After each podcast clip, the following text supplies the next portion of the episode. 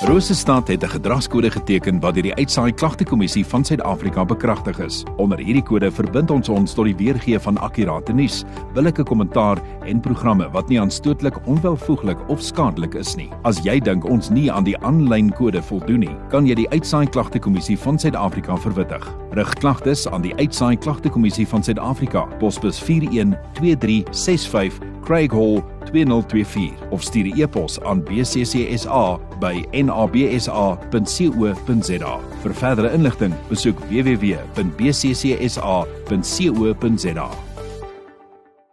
Tyd vir oggendgodsdiens op 100.6 FM. Hierdie week in die ateljee kuier Dominee Wimpie raad by ons huis van uh, die Evangelies Gereformeerde Kerk wat in Vleerdal is. En uh, Dominee, welkom in die ateljee. Baie dankie en goeiemôre elkeen saam met ons en is 'n wonderlike voorreg om weer 'n bietjie die week te spandeer rondom die woord van die Here. So ons gaan hierdie week 'n bietjie praat oor die woordjie verlore. Klein woord met 'n geweldige groot impak. So, na ons geluister het na die lied en ek het vir ons geopen het, dan gaan ons voort. As ons kyk na die skrifgedeelte wat die ouens lank kan regkry. Lukas 19 vers 10.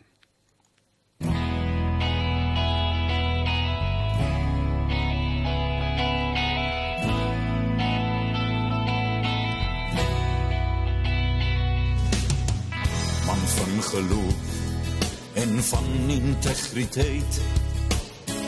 Man van die woord in 'n moeilike tyd man van die waarheid wat lewendig getuig. Man van karakter wat net voor Jawe buig. O jy's 'n man van visie. Man wat profeteer 'n man wat uitsteek, maar jy gee aan God die eer. Jy's God se man, vir jou is 'n stryk gespan. En tog bly jy staan, want in die kuil geskans deur 'n engel kom jy skuil in die holte van sy hand.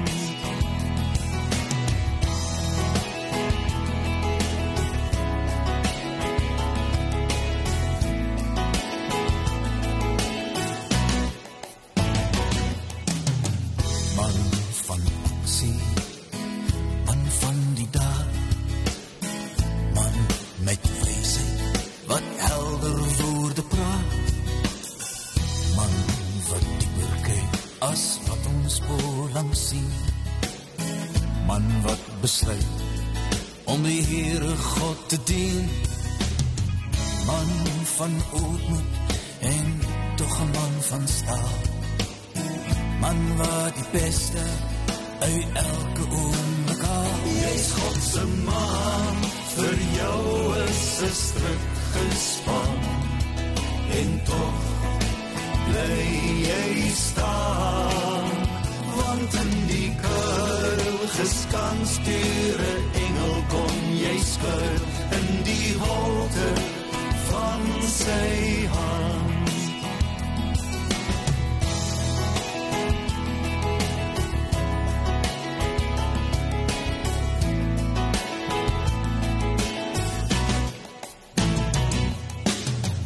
Man wat glo en man van strategie man wat bid en buig maar voor geen duivel nie.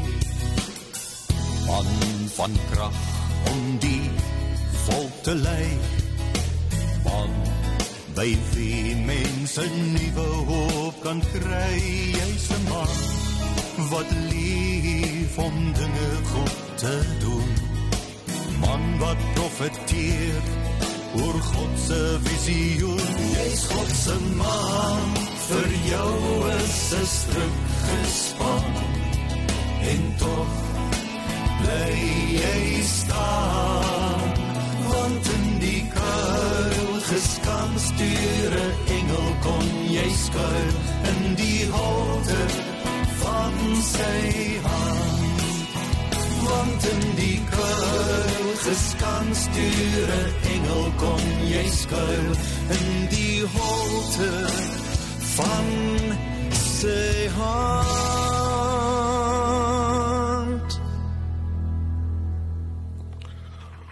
Kom ons gaan nou 'n woord saam bid. Wonderlike Here Jesus, baie dankie dat ons so bevoorreg is om langs die weg van die tegnologie met mekaar te kan deel waar ons op 'n ander manier nooit by mekaar sou uitkom nie.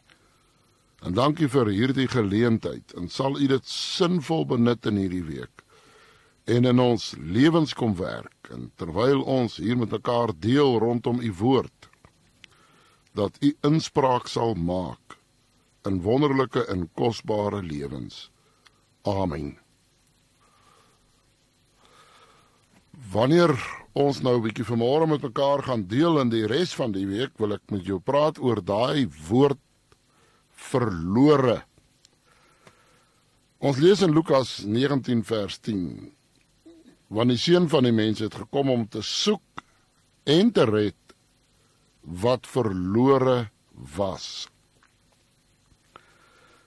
Nou as ek 'n tema kan koppel aan hierdie hele week, dan gaan ek elke dag vir jou die vraag vra: Wat het jy verloor? Nou kom ons gaan net eers 'n bietjie in ons eie lewe in ons praktyk. Ek wil net so vinnig 'n bietjie gaan terugtrek in jou eie trek rekord. Kere wanneer jy nou al goed verloor het. En hoe jy daarna gesoek het. Partykeer het jy dit vinnig gekry. Partykeer het dit 'n benoudheid gebring. Uh ons almal ken dit as jy jou foon verloor, jou sleutels verloor, jou beursie verloor. 'n dokument verloor, iets verloor wat dringend is in noodsaaklik is en jy dit nou nodig en jy kom nou agter jy het verloor. Die geweldige impak wat dit het op jou.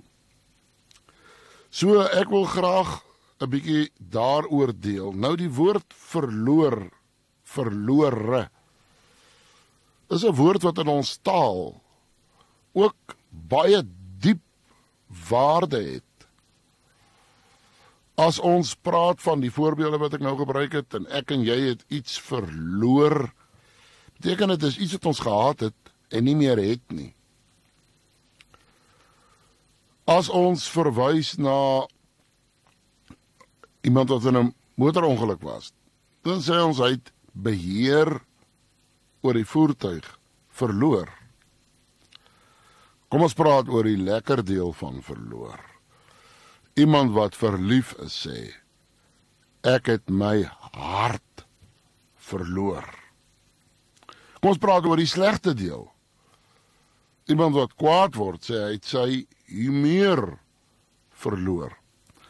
As iemand ongeduldig raak, en dinge wil net nie lekker loop nie en jy raak geïrriteerd. Op 'n stadium was dit so gesegde onder die jong mense, ek gaan dit verloor. Dan het ek nou altyd dit ingevry van vra ek wat gaan jy verloor? Maar dit was nog al 'n uitdrukking op 'n tyd. Ons sien nog die opskrifte met iemand wat in 'n lang siek stryd was en in 'n stryd was met siekte. Dan lees die opskrifte hy die stryd verloor. Iemand se naam en dan hy het die stryd verloor. Nou die Bybel is ook baie veelsidig oor daai woordjie verloor.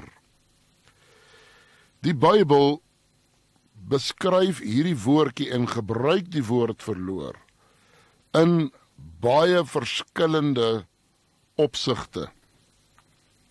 En ons wil graag hierdie week bietjie daaroor deel. Ek wil net vanmôre gebruik vir 'n inleidende gesprek. En laat ons net 'n bietjie daarna kan kyk. Maar as ons kyk na die vertrekpunt, gebruik die Bybel die woordjie verlore om die toestand te beskryf waarin elke mens gebore word. En ons gaan later in die week meer detail daaraan gee. Maar ons word verlore gebore. Dit natuurlik het die nood gebring aan 'n verlosser. En daarom het die Here Jesus self hierdie woorde gebruik in Lukas 19:10. Die seun van die mens het gekom om te soek en te red wat verlore is. En let op die drie woorde daar in daai vers. Soek, red wat verlore is. As jy iets verloor waaraan jy waarde gehad het, dan soek jy daarna. As jy iets verloor wat nie eens vir jou waarde gehad het, jy kom jy nie eens agter jy dit verloor nie. Maar die sondeval het hierdie verlore toestand van die mens het dit gemaak dat die verlosser moes kom om te kom soek dit wat verlore is. Die Bybel gebruik ook die woord verlore nie net vir die toestand waarin ons gebore is nie. Maar as ons praat van 'n kind van God, iemand wat in 'n verhouding met die Here staan en hy ly sekere verliese in sy geestelike lewe, word daarna ook verwys as verlore en hierdie verlore het niks te doen met hemel of hel nie terwyl die verlore sondaar se status van hom 'n helling maak. Sy verlorenheid maak dat hy nie hemel toe kan gaan nie. Maar 'n kind van God kan sekere dinge verloor. En dit het nie te doen met die hemel verloor nie. Dit het nie te doen met die hel nie, maar dit het te doen met ons bruikbaarheid. En dit word beskryf as 'n verlies. So 'n kind van God kan sekere dinge in sy geestelike lewe verloor. Sekere deugde, sekere toerusting, sekere bruikbaarheid. En dis nie altyd so moeilik om hierdie goed te verloor nie en jy beleef dit as 'n intense verlies. Dink maar hoe maklik kan iemand sy gebedslas verloor? Hoe maklik kan iemand sy vrymoedigheid verloor? Uh jy het so 'n bietjie teenkanting gekry of daar was so 'n bietjie konflik. Nou verloor jy jou vrymoedigheid met 'n sekere aksie of 'n handeling. 'n Kind van die Here kan sy omgee verloor. Sy hart kan skade ly en hy verloor sy omgee. Kind van die Here kan sy ywer verloor. Hy kan sy vuur verloor. Hy kan sy waaksaamheid verloor. En dit het te doen met 'n verlies vir die koninkryk.